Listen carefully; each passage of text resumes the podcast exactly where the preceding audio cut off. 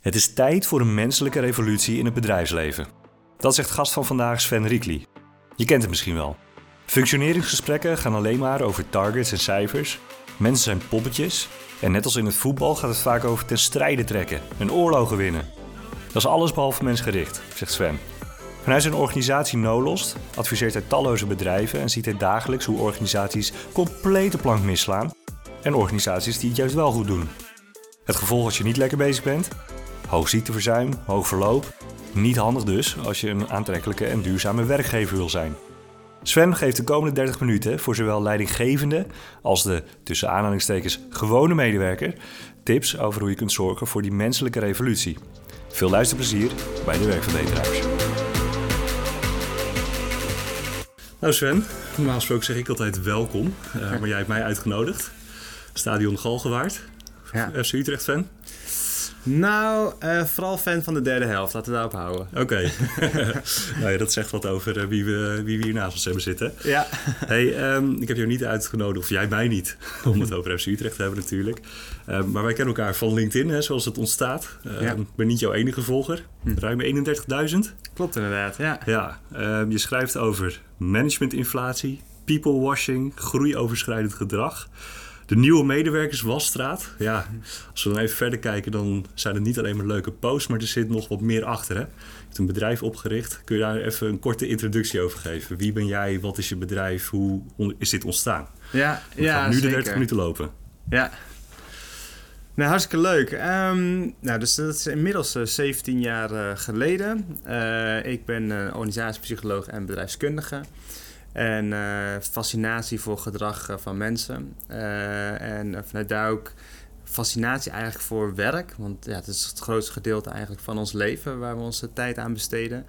Ehm, ja, dus toen ben ik eigenlijk helemaal die wereld ingedoken. En ja, toen kwam ik erachter hoe transactioneel, hoe instrumenteel en eigenlijk bijna machinaal eigenlijk in bedrijven met mensen werd omgegaan.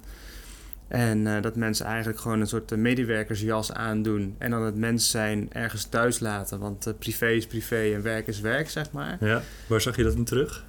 Dat zag je terug in de, nou, de, een beetje ontmenselijking eigenlijk van hoe, hoe er ook gesproken wordt over medewerkers. Hè. Medewerkers zijn poppetjes, Ja, productiepersoneel. het moet eh, ingeroosterd worden. Nou, eigenlijk allemaal dat soort, dat soort zaken. Dat, nou, dat is wel een hele instrumentele manier van eh, eh, het kijken en het eh, omgaan met, met de mens. Ehm, dus ik dacht, ja, dat, dat moet toch anders kunnen. Hè? En nou, 17 jaar geleden, het staat ook aan het begin van de crisis, hè, dus 2007, 2008. Um, dus als je dan bij be bedrijven binnenkwam en je had het over bevlogenheid of over werkgeluk, uh, wat in de organisatiepsychologie en in de wetenschap al lang en breed bewezen werd dat dat leidt tot de meest duurzame resultaten. Maar toen zag ik eigenlijk een grote gap tussen wat de wetenschap eigenlijk weet en het bedrijfsleven doet. En uh, ja, toen had ik mijn uh, ambitie opgepakt om die, die gap eigenlijk te dichten, de brug te dichten. En um, ja, vandaag de dag uh, is Nolost uitgebouwd tot een, uitgebouwd tot een prachtig consultiebedrijf.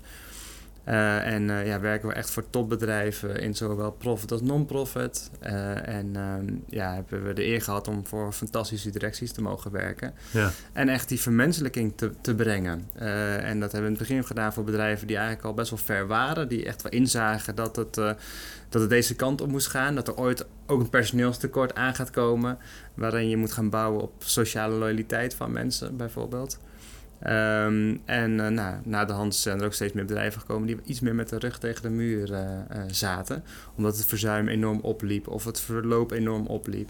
En nou, die zijn we natuurlijk ook gaan helpen. Ja, hey, en wat was uiteindelijk dan het moment dat je dacht van hier ga ik iets mee doen? Dit moet een bedrijf worden. Ja, nou, het gekke is, het, zeg maar, het was aan het einde van, uh, van de studie. Ik heb uh, iets meer dan 50 gesprekken gehad met, uh, met leiders eigenlijk uit mijn omgeving. Dus dat waren vader, moeders, ooms en tantes uit, uit mijn omgeving. Die een leidinggevende rol hadden. Dus dat was van een, een CEO van met duizenden medewerkers, van een, een leidinggevende van een team van 25 personen. Alle, en alles daartussen. En um, uh, ben ik het hele land doorgereisd en gewoon gevraagd: ja, wat, wat speelt er nou in de praktijk? Ik heb heel veel theorieën en modellen en uh, artikelen gelezen. Maar ik ben wel benieuwd wat er echt speelt. Ja. En toen uh, was ook in de tijd dat bijvoorbeeld medewerkersonderzoeken ook amper nog, uh, be nog bestonden. Over tevredenheid bedoel je? Ja, medewerkerstevredenheidsonderzoeken bijvoorbeeld. En, um, en iets meer dan de helft van, uh, van, van die leidinggevenden zei ik, ja, ik, ik heb eigenlijk het inzicht niet. Ik weet niet hoe gemotiveerd mijn mensen zijn, aan welke knoppen ik moet draaien om dat te stimuleren, wat me oplevert als ik daarin ga investeren. Dus, uh, dus er mis eigenlijk inzicht. Nou, eigenlijk aan de hand daarvan ben ik naar mijn hoogleraar gegaan. Ik zeg, ja, uh, wat kunnen we hem bieden aan handvatten om wat meer inzicht te krijgen? Nou, daar is eigenlijk een model uit ontwikkeld, het Organizational Motivation Model. Dat is een organisatie-motivatiemodel.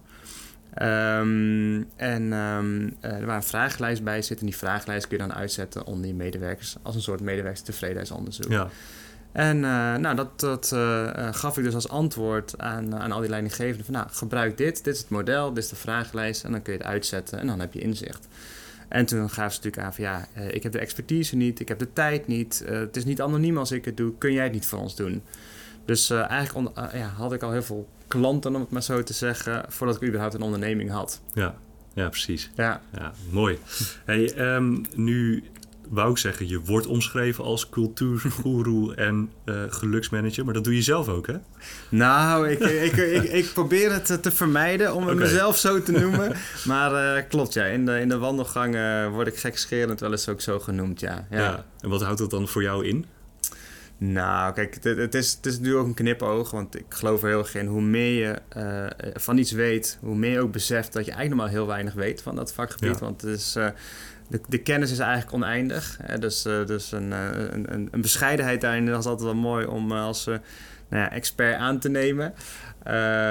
maar jezelf inderdaad nou, specialist, expert of goeroe noemen, dat, dat zal ik niet snel doen. Maar het is altijd wel een leuke knipoog om je, nou ja je, je kennis en ervaring natuurlijk uh, samen te vatten. Ja. Uh, en inderdaad, kijk, uh, de, de, kern van leiderschap is een, een hele hechte cultuur te creëren. en, en daarmee is het eigenlijk de kern van een organisatiepsycholoog. Dat gaat namelijk over een groep mensen begrijpen en kunnen beïnvloeden. Ja, dat is een cultuur van een organisatie. En de kern is dat mensen zich op hun gemak voelen, zich goed voelen. En dat, nou, dat is samen te vatten in, in geluk bijvoorbeeld. Dus nou, ja. daar komen een beetje de namen vandaan. En ik geloof zelf niet zozeer in het woord manager. Dus dat, is, dat was eigenlijk een leuke, nou ja, soort van paradoxale knipoog om uh, ja, manager ja. toe te voegen. ja. Mooi. Hey, um, je hebt uh, gewerkt voor KLM, Coca-Cola, Rituals. Ja, dat springt er al voor mij uit hè, als marketeer. Dat zijn mooie merken waar Zeker. je dan voor hebt gewerkt. Ja. Um, en het draait allemaal mensgerichtheid. Mm. Er is een bepaald soort omdenken voor nodig, hè, zeg jij. Mm -hmm. Wat is er nou voor nodig als je het kunt samenvatten om de mens echt centraal te stellen, ook bij dat soort grote organisaties? Ja, wat er voor nodig is dat je een directie hebt die ook echt integer en oprecht overtuigd is dat de mensen hè, uiteindelijk de resultaten creëren. Hè, en daarom is, kijk, resultaatgerichtheid is ook een utopie. Hè. Resultaat is niet een knop waar je aan kan draaien. Hè, resultaat, het woord zegt het al, is een resultante van. Het is een gevolg van iets. Nou, Ja. In Nederland is het voornamelijk mensenwerk. Hè. Het zijn de mensen die de resultaten creëren. Dus daarmee kan je nooit eigenlijk resultaatgericht zijn. Je kunt wel resultaatgestuurd zijn. Dus je stuurt naar resultaten toe. Nou, dat is bijna iedere, iedere organisatie in Nederland. Want zelfs stichtingen hè, moeten ambities en resultaten creëren. Maar de kern is dat de mensen dat doen. Hè? Dus daarmee ben je dan mensgericht en resultaatgestuurd. Uh, wat daarvoor nodig is, is dat de directies daarvan overtuigd zijn. Um, en dat ze ook uiteindelijk de mensen kennis en de mensen kunde hebben om het te kunnen implementeren. Ja, ja, en um, tegelijkertijd als je nu om je heen kijkt op LinkedIn of in vacatures, dan lijkt het wel alsof iedereen wel mensgericht is. Mm -hmm. Heb jij nou voorbeelden van waarvan je zegt van nou dat zijn typisch van die teksten of uitingen of organisaties die denken dat ze heel mensgericht zijn, maar het misschien toch niet helemaal zijn? Ja. Om even een beetje een spiegel voor te houden. Ja, zeker. Nou, je ziet het intern ook sowieso heel vaak. Hè? Dus dan, uh, dan is het, hè, kernwaarden zijn natuurlijk uh, vrij po populair. Maar wat je vaak ziet is dat dat, dat beetje lege begrippen uh, zijn. Um, dus vertrouwen is natuurlijk super belangrijk. Maar ja, vertrouwen uh, als kernwaarde nemen, nou dan, dan zeg je wel iets als organisatie, wat je dus belooft aan al je medewerkers. En als je dan vervolgens een rouwkaart moet inleveren als medewerker om te bewijzen dat er inderdaad een naast is overleden, om die vrije dag te krijgen om naar de crematie toe te gaan, hè, nou, dan is het dus geen vertrouwen. Ja. En dat zie je dus dan doorgaans heel veel in processen terug. Hè, terwijl de kernwaarde vertrouwen is. Hè. Dat Dus, heb jij zien gebeuren. eh, ja, dat, dat zie je regelmatig gebeuren. Oké. Hè, dus dat er geen alignment is, zo noemen we dat dan, hè, value alignment. Dus, dus geen waardeovereenkomst met de waarden die je, die je verkondigt en de waarden die je doorleeft. Ja, en dat, is dan, dat zijn dan organisaties die wel zeggen dat ze mensgericht zijn en dan vervolgens toch dit soort dingen Precies. vragen. Ja. Oké. Ja. Hey, wat zijn de typische missers van bedrijven in het algemeen? Dus misschien niet eens heel bewust bezig met mensgerichtheid. Ja, kijk, de missers is eh, in eerste instantie de terminologie. Hè? Eh, dus inderdaad, eh, mensen door de wasstraat heen halen. Nou, mensen haal je niet door de wasstraat heen.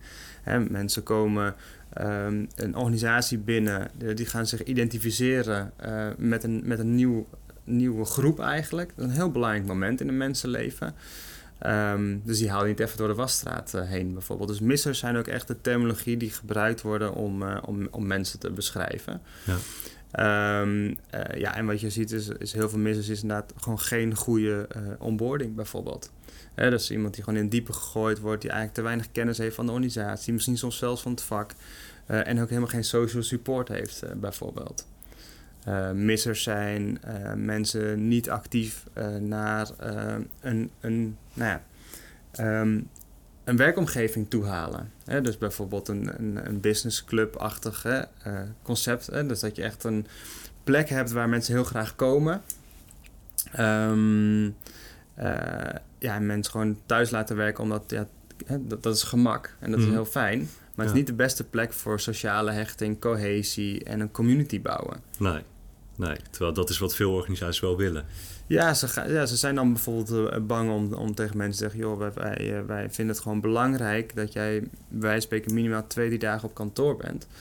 Eh, want jouw collega's hebben ook recht op jouw aanwezigheid bijvoorbeeld. Je bent een belangrijk onderdeel van de groep. Dus daarom zien we je ook graag. Want er is niets menselijkers dan menselijk contact. Ja, ja dat, is, dat is nu misschien wel een gevoelig puntje hè, met eh, veel bedrijven die dat wel beloven, dat je altijd thuis mag werken bijvoorbeeld. Ja, precies. Kijk, en ik geloof heel erg in eh, eh, de regie, ehm, eh, en een gezamenlijke regie. Hè? Dus dat je gewoon samen kijkt naar wat is nou de beste plek en, en, en, en tijd om, om je werk zo goed mogelijk te Ja. kunnen doen. Dus niet dat het weer gewoon erdoor gedrukt wordt. Precies, maar Ja. wel als onderdeel van de groep. Hè? En we hebben al best veel problematiek rondom de individualisering. Ehm, en dat zie je ook wel in organisaties. Hè? Dus het is vaak het, het ik wat, wat voorgaat, ook bij medewerkers. Ja. Eh, ik moet de hond uitlaten, ik moet de kinderen wegbrengen. Dus ik, ik, ik. Eh, ik wil de beste versie worden van mezelf. Dus er moet een all-you-can-train opleidingsplatform zijn. Ik, ik, ik. Maar het gaat niet zozeer om het ik. En het moet veel meer het collectief eigenlijk adresseren. Hè, De beste versie worden van jezelf is helemaal goed, maar wel voor de ander. Ja. Want je Mooi. bent een collectief. Ja.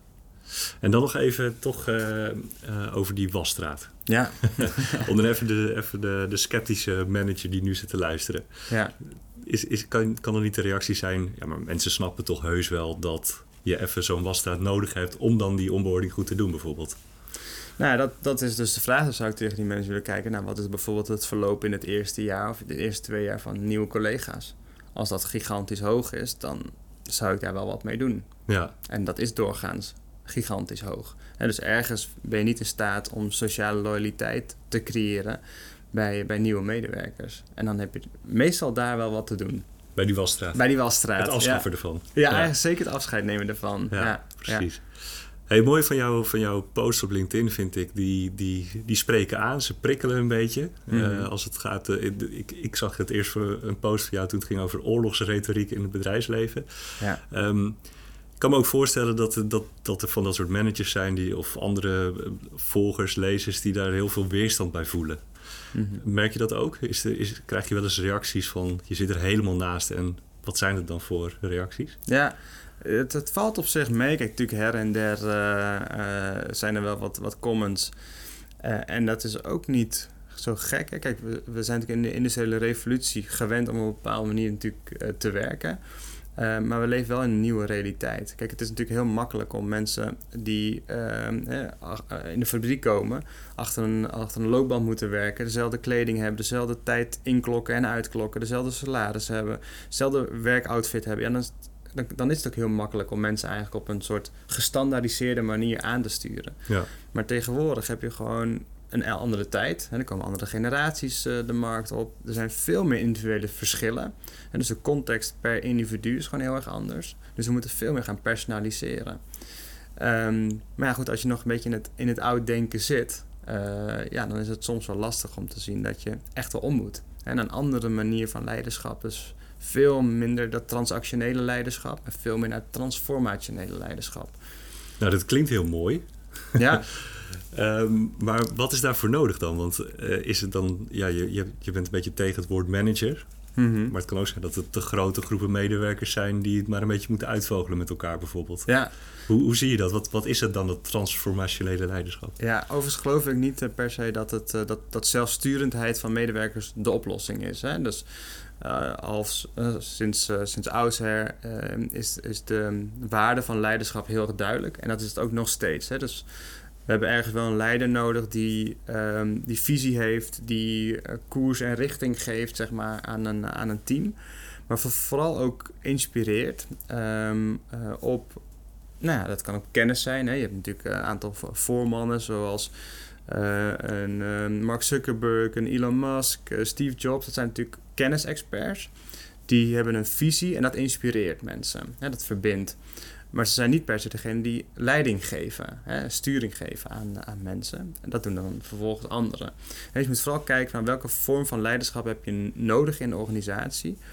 Um, maar er is wel leiderschap nodig. Ja. Maar altijd vanuit een gezamenlijkheid, hè, vanuit die gedeeldheid. Als er geen gezamenlijke ambities zijn, ja, dan, dan, dan heeft, het ook, heeft het ook weinig waarde, zeg maar. Als er geen gedeelde waarden zijn, ja, waar, waar doe je het dan voor met elkaar? Dus, dus die waarden en doelen, dat is heel belangrijk om dat zeg maar uh, te alignen met elkaar. Dus wat we veel gedaan hebben, wat heel succesvol is, is dat je een organisatiekompas maakt. En in het organisatiekompas, vaak van de directie, staan de waarden en de doelen. Dus daar geef je koers mee. Uh, dan heb je een teamkompas. Dus elk team heeft zijn eigen kompas, ook met waarden en doelen, die natuurlijk in overeenstemming zijn met het organisatiekompas. Ja. En ieder individu heeft een persoonlijk kompas, met jouw eigen persoonlijke waarden en je persoonlijke doelen. Dus je hebt ook geen meer be- of veroordelingsgesprekken, je hebt een kompasgesprek. om te kijken van, hé, hey, wij zijn als team een bepaalde kant op aan het gaan, passen jouw persoonlijke waarden en doelen daar nog steeds bij? Nou, en dat zijn hele mooie gesprekken. Uh, en dat zijn veel mooiere gesprekken dan de gestandardiseerde functioneringsgesprekken, zeg maar. Zoals we die op sommige plekken nog steeds kennen. Ja, um, toch zit ik dan te denken, hoe bepaal je dan of, of iemand het goed doet? Of dat hij nog bij je organisatie past na een tijd? Ja. Want er wordt natuurlijk eh, gestrooid met KPI's en targets. Ja. Uh, omdat dat uiteindelijk iets is wat je terugziet op de, de balance sheet van het bedrijf. Zeker, ja. Is het dan alleen maar het kompas en het alignen van die waarden? Of zit er nog een ander dat zijn waarden en doelen. Hè? Dus die, die, die doelen, dat, eh, dat kunnen prima ook, ook cijfermatige doelen natuurlijk zijn. Hè? Het kunnen kwantitatieve doelen zijn, maar ook kwalitatieve doelen. En je wil dat er eigenlijk een bredere scope is. Dus echt wat die nou, 360 graden uh, feedback eigenlijk die we ook nog wel kennen. Die wil je ook wel verwerken in dat kompas. Dus je wil dat meerdere mensen eigenlijk op dat kompas eigenlijk reflecteren. En niet alleen maar mensen op het werk, maar ook mensen thuis bijvoorbeeld. Hè? Herkennen die zich daar ook in bijvoorbeeld. ja. ja vind je een hele andere persoon bent op je werk. Precies dat, ja. ja. Hey, je zei net ook nog iets over, uh, over dat er nieuwe generaties op de arbeidsmarkt komen. Daar ben ik mm. toch even benieuwd naar. Zie jij nu al verschijnselen bijvoorbeeld van generatie Z of generatie Alpha zit, daarvoor, zit daarna, geloof ik. Hè? Ja, ja, ja. Um, dat er ook weer hele andere behoeftes zijn dan wat we nu terugzien op de arbeidsmarkt. Ja, ja hele andere behoeften. Ja, ja. Nee, dus, uh, dus nou, dat, die, die waarden, zeg maar, die zijn gewoon heel anders. Hè. Ze komen ook uit een andere context. Uh, over het algemeen natuurlijk eh, veel welvaart ook uh, gekend. Hè. Dus de urgentie om heel hard te werken, ja, die is er ook wat minder. Um, en overigens zijn ze ook opgevoed met, joh, je hoeft niet zo hard te werken als ik dat altijd gedaan heb. Hè. Er zijn ook andere dingen in het leven. Nou, en zo leven ze ook. Hè? Uh, je ziet daarbij uh, bijvoorbeeld dat er ook um, sociaal veel meer gebeurt. Hè? Um, ook overigens wel uh, in vrijwilligerswerk en dat soort zaken. Dus als ze bijvoorbeeld zeggen, ja, ik wil drie dagen werken. Ik wil één dag nou, vrijwilligerswerk doen, iets maatschappelijks. Um, Eén dag iets wat echt mijn hobby is, wat ik van hartstikke leuk vind. En nou, dan nog twee dagen weekend. Dat, dat, dat, dat, zal het rooster zijn hoe, hoeveel nieuwe generaties dat in hun hoofd hebben. En dan is drie dagen werk nog echt wel de max, zeg maar. En houden we dus- daar de economie mee draaiend? Nou, het wordt sowieso een, hele spannende fase, want er, je hebt natuurlijk gewoon heel veel natuurlijk uitstroom. Dus het gaat ongeveer over vijf jaar echt een grote vlucht nemen. Um, dus daar mis je heel veel arbeidscapaciteit. Dan heb je ook nog eens dat de mensen die zeg maar in een laatste fase van hun carrière zitten, over het algemeen heel goed geboerd hebben privé met vastgoed. Dus die hebben vaak overwaarde, hebben de overwaarde al een keer uitgekeerd, dus zitten er financieel vrij goed bij. Dus daar zie je ook dat de urgentie voor vijf dagen werken een stuk minder is. Dus die gaan ook al naar vier en zelfs soms drie, omdat ze ook bijvoorbeeld mantelzorg moeten doen. Ja. Uh, nou, nieuwe generaties die, uh, die minder hard werken. Dan heb je nog de generatie uh, die, die ouder wordt. Met veel, nou ja, een, een papadag, een andere soort ouderschapsverlof. Dus al met al gaat er ja, veel minder arbeidscapaciteiten komen. En zoals er ook nu naar uitziet, politiek gezien, verwachten we ook niet heel veel immigratie bijvoorbeeld die dat, die arbeidscapaciteit op zich gaat nemen. Dus het, het worden interessante tijden, ja. Ja, is dan spannend wat de volgende verkiezingen gaan doen dan als je dit. Uh, ook, je ja, dit dat, dat, heeft zeker ook wel invloed. Ja, ja, ja. Kan ik me goed voorstellen. Hey, uh, we hebben een beetje een beeld geschetst van wat, van wat jouw visie is. We zijn wat uitstapjes uh, hebben genomen. Um, jouw sleutelwoord is denk ik de menselijke revolutie, hè? Klopt, ja. Stel, we blikken even vooruit. En uh, we, ja, misschien is het iets wat utopisch, misschien mhm. niet, misschien is het heel realistisch. Maar hoe ziet, dat, hoe ziet die menselijke revolutie eruit als die heeft plaatsgevonden? Ja. Hoe ziet de samenleving eruit? Ja, ik denk vooral kijken naar wat zijn de eh, behoeften van, uh, van mensen. Dus de coronatijd heeft daar een hele interessante inzage in gedaan. He, zoals bijvoorbeeld de, de Efteling was bijvoorbeeld dicht, maar de ziekenhuizen draaiden op volle toeren. Nou, wat toen eigenlijk heel interessant was, is dat bijvoorbeeld medewerkers aangaven: ja, ik zou het ook best wel leuk vinden eigenlijk om in de zorg te werken. Heel betekenisvol, heel waardevol. Uh, dus die zijn dat ook gaan doen. Hè? Dus eigenlijk een soort duo-baan is, uh, zijn er toen eigenlijk ook ontstaan. Um, en vandaag de dag zie je dat dus nog steeds. maar dan in combinatie. Hè? Dus je bijvoorbeeld zegt, nou, ik werk twee, drie dagen in, in de horeca. Gewoon leuk, lekker luchtig, een ander soort publiek. En twee, drie dagen werk ik in het ziekenhuis. Ja. is betekenisvol, uh, draagt bij in de zorg. En dat zorgt er ook voor dat je veel meer afwisseling hebt en als, als, als persoon en als professional veel meer ontwikkelt en verrijkt.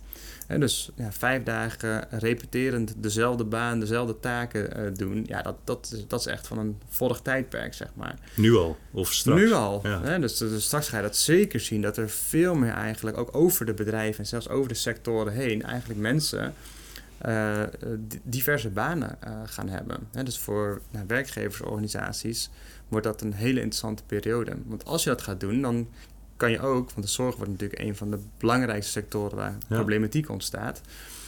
Um, omdat je nu gewoon bij spreken fulltime in de zorg moet, moet werken of helemaal over moet. Maar terwijl je misschien prima één of twee dagen uh, vanuit je huidige baan gewoon ook in de zorg kan gaan werken. Nou, als dat soort dingen gaan ontstaan, dat zijn hele mooie uh, manieren van het, uh, van het vermenselijken. Hè? Want dan krijg je ook meer regie als mens op je, op je leven en op je werk. Um, nou, we kunnen daarmee ook wat tekorten aanvullen. Dus, um, ja, maar daarmee is de, de, de oorlogsretoriek en de wasstraat is nog niet verleden tijd misschien. Nee, nee die is nog niet van de, van de directietafel af. nee. nee. Wat moet daarvoor gebeuren? Ja, wat daarvoor moet gebeuren is uh, dat uh, de, de voorlopers daar zit echt al, gaat echt al hartstikke goed. Hè? Dus dat betekent dat zij zeggen, oké, people first. Uh, dat ook in de directievergadering niet wordt begonnen met de cijfers. Hè? maar hoe gaat het met onze mensen? Hè? En als de meeting een uur duurt en dat thema duurt drie kwartier, nou dan duurt dat drie kwartier. En dan heb je nog een kwartier over voor, nou hoe gaat het met onze klanten? En wellicht heb je nog tijd om hoe gaat het met onze cijfers vanuit de wetenschap dat het allemaal logisch op elkaar volgt. Um, maar goed, de, de, bedrijven waar het wat spannender is, uh, daar zie je nog wel dat er houvast wordt gevonden in het kijken met elkaar naar spreadsheets en uh, Excel-sheets, zeg maar. Ja. Hè? Alleen ja, je kunt gewoon niet sturen op cijfers, dus er is iets anders voor nodig. En dat is dus de mens. Want nou, hè, dus het niet hebben van voldoende of goede mensen, dat, dat is gewoon je bestaansrecht van de toekomst.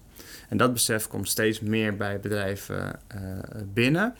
Uh, maar goed, voor de meeste bedrijven moeten ze wel echt met de rug tegen de muur staan om die verandering te kunnen creëren. En dan is dus de vraag, is het dan heel integer en oprecht als je dus voor mensgerichtheid gaat?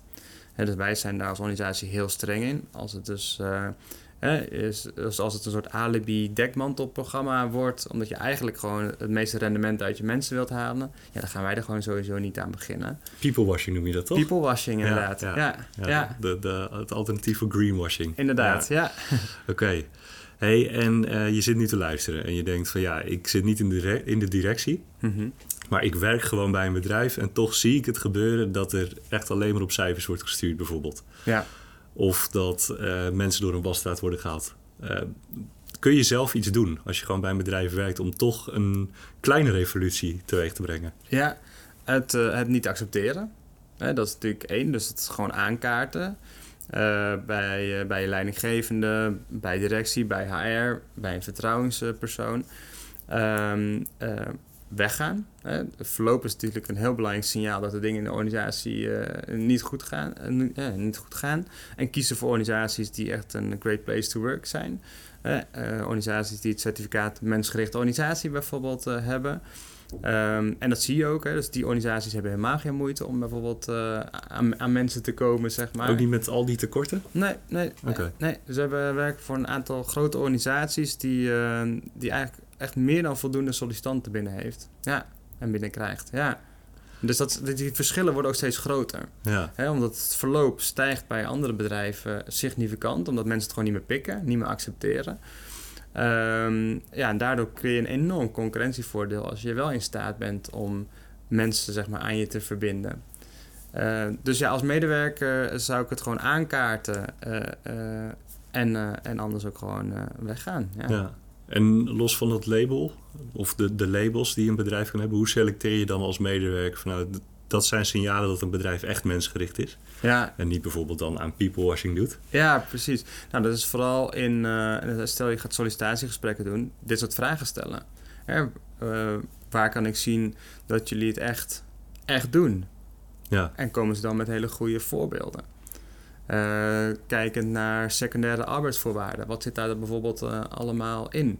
want je hebt prachtige te, uh, tegenwoordig groene arbeidsvoorwaarden noemen ze dat dan ook, zeg maar. Maar bijvoorbeeld zit er een stuk vrijwilligerswerk in de arbeidsvoorwaarden. Hè, dat als je, je moeder of vader iets overkomt, dan kan je gewoon zeggen, nou, vier uur per week kan ik gewoon besteden aan mantelzorg en dat is gewoon betaald. Ja. nou, dat zijn hele vooruitstrevende arbeidsvoorwaarden. Um, nou, wij hebben dat als organisatie, als NOLOS zijnde, ook uh, in onze arbeidsvoorwaarden. Dus medewerkers kunnen vrijwilligerswerk doen. Uh, en dat wordt dan gefaciliteerd vanuit ons als werkgever bijvoorbeeld. Mooi. Ja. ja. Om op die manier ook je maatschappelijke rol te pakken. Ja. ja. Mooi. Hey, en um, um, ik kan me toch ook voorstellen dat uh, verandering toch ook wat voet in de aarde kan hebben. Voor hm. bedrijven die dan echt wel oprecht zijn. Hoe neem je een bedrijf mee in zo'n ja, manier van omdenken? Ja, ja, mooie vraag. Is in ieder geval een, de, het verlangen heel goed neerzetten. Waar, waar, we, wil je als organisatie naartoe? Hoe ziet dan die ideale stip op de horizon eruit? Uh, en zorgen dat, dat iedereen dat in de organisatie ook ziet. Hè? Dan heb je in ieder geval een hele mooie uh, soul, zeg maar. Hè? Als je de East en Soul hebt. Uh, en dan kijk waar staan we dan nu? En wat hebben we dan met elkaar te doen? En dan kun je een heel mooi, uh, echt gewoon een, een, stappenplan maken. En we noemen dat vaak het, het plan van aandacht. Dus waar moeten we onze aandacht nou op richten? En wat moeten we meer aandacht geven? Want uiteindelijk is dat natuurlijk heel vaak de kern aandacht. Um, uh, en dan begint het ook gewoon het, het dialoog aangaan met mensen. dus niet, niet aanbod gestuurd. Zeg, nou, we hebben allemaal interventies. En nou, als je interventie doet, dan komen we daar. dus dat is heel aanbod gestuurd, maar veel meer vraag gestuurd. Dus ga in gesprek met medewerkers. Waar heb je behoefte aan? Wat heb je nodig? Um, en daarom zeg ik ook vaak, hè, dat, dat zit hem vaak niet in de formele momenten. Het is niet de toon die de muziek maakt, het is de ruimte tussen de toon die de muziek maken. En in cultuur is de ruimte ook tussen die tonen. En dus er zijn meer, veel meer de informele momenten waarbij, waarbij je dit allemaal ophaalt. Ja, bij het koffiezetapparaat of gewoon overleg. Ja, ja. ja. en um, uh, alleen wat je dus ziet is dat er dus heel vaak heel veel tonen achter elkaar staan. Van meeting naar meeting naar meeting naar meeting. En dat is vooral heel veel herrie. Ja. Hè? En je krijgt muziek als daar, um, als daar ruimte tussen zit. Hè? Dus dat er stilte momenten tussen zitten. En daarom zeg ik vaak, ja, blok dan ook spontaniteit. Hè, als, als leidinggevende bijvoorbeeld, dat je aan, aan het begin en het einde van de dag gewoon een half uur blokt. En nou, dan ga je gewoon aandacht geven op wat op dat moment nodig is. En dat kunnen complimenten zijn, dat kan even ophalen zijn dat iemand het moeilijk heeft. Dat kan even ophalen, hey, wat heb je nodig? Nou, et cetera, et cetera. mooi. Ja. maar dat is natuurlijk totaal niet cijfergericht. En we gaan bijna afronden, maar hoe meet je dat? Hoe weet je dat het dan goed gaat als je dat toch met alle oprechtheid inzet, die verandering? Ja, nou dat, dat kun je dus tegenwoordig heel goed meten. Je kunt je impact dus meten, zowel kwantitatief als kwalitatief. Dus je, je gaat dan bijvoorbeeld dat uh, verbinden aan, hey, dus zien we bijvoorbeeld een impact op onze verzuimcijfers. Hè, bij de teams waar we het bijvoorbeeld heel goed doen. Uh, of op verloop, of op uh, klanttevredenheid. Dus het, zijn, het is zeker cijfermatig ook oh ja. te meten. En juist ook die crossverbanden. Hè, dus zien we inderdaad als we een bepaalde interventie doen, dat het het gewenste effect heeft bereikt, ja of nee. En je ziet ook in kwalitatieve waarden dus dat kan zijn bijvoorbeeld uh, complimenten zijn van klanten. Hè? Zien we dat het aantal complimenten bijvoorbeeld groeit. Ja. Hè? Of zien we, hè, wat, wat zien we aan kwalitatieve waarde binnen die complimenten? Wat, wat wordt dan in ons gewaardeerd?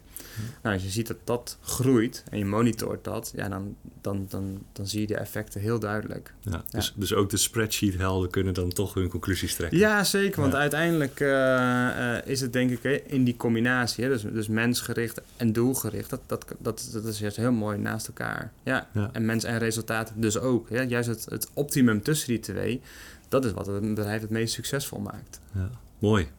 Hey, um, we hebben nog 45 seconden op de teller. ik wil je toch een hele uitdagende vraag stellen om toch nog drie tips mee te geven. Als je luistert om uh, te beginnen met uh, ja, de mensgericht, een mensgerichte organisatie uh, ja, de, de, eerste stap te zetten, zeg maar. Wat zijn nou drie handvatten die je mee kunt geven? Ja, ik zou dus heel erg kijken naar de persoon achter de professional. Um, uh, en daar ook de interventies op uh, te doen. Hè? Dus is vaak uh, je partner thuis waar je, waar je bijvoorbeeld gaat klagen over je bedrijf. Of waar je gaat zeggen, nou ik twijfel toch of om te blijven. En dan ga je met je partner ga je in dialoog en dan kom je er wel of niet hè, tot een conclusie betrek als, als, als bedrijf veel meer die partner. Hè? Want als uh, jouw collega moet overwerken, dan betekent het waarschijnlijk dat die partner de kinderen naar bed moet doen, et cetera. Dus nou, dan geef je een dag later een, een fles whisky bijvoorbeeld aan die partner, omdat je weet dat hij van whisky houdt. Ja. En zo betrek je die partner ook bijvoorbeeld een kerstdiner, meenemen op windsport, veel meer bij de organisatie. Ja. En dan leer je ook uh, de partner achter de collega uh, kennen. Nou, dat zijn hele mooie initiatieven waarmee je veel meer eigenlijk een, een, community bouwt. Want dat zou mijn tweede tip zijn. Bouw veel meer een community. Dus zie je organisatie.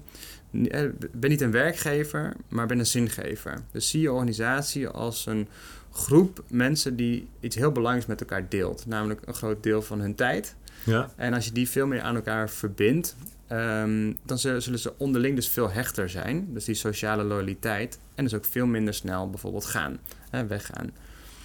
En um, de derde tip uh, zou zijn om echt die, die, die stilte en die ruimte in te bouwen. Hè, dus eigenlijk blokken te creëren in je agenda waar je tijd hebt voor dat menselijke contact, voor die sociale verbinding. Um, want daar zit dus ook heel veel functionele connectie.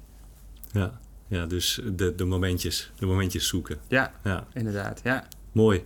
Nou, je hebt het vervelende alarm gehoord. We zijn door het half uur heen, maar ik ben blij dat je het afgemaakt. Um, stel, mensen willen hier meer van weten. Ik kan het alleen maar aanbevelen, dus ik ga sowieso je LinkedIn-profiel even in de show notes zetten. Zijn er nog andere plekken waar we jouw visie kunnen volgen? Ja, je kunt uh, lid worden van uh, Menselijke Revolutie uh, op menselijkerevolutie.nl. Daar zijn ook geen kosten aan verbonden. En daar komen regelmatig ook artikelen. kun je, word je uitgenodigd voor nou, bijvoorbeeld het Menselijke Revolutie Seminar... wat op 23 mei gaat plaatsvinden en, en ieder jaar zal plaatsvinden. De ronde tafelsessies waar we kennis en expertise verbinden... door bedrijven eigenlijk aan elkaar te connecten... Um, nou, inderdaad, LinkedIn uh, kun je mij uh, persoonlijk volgen. Uh, en deel ik ook regelmatig artikelen en, en posts. Dus um, ja. Leuk. Dankjewel Sven. Heel graag gedaan. Jou ook bedankt.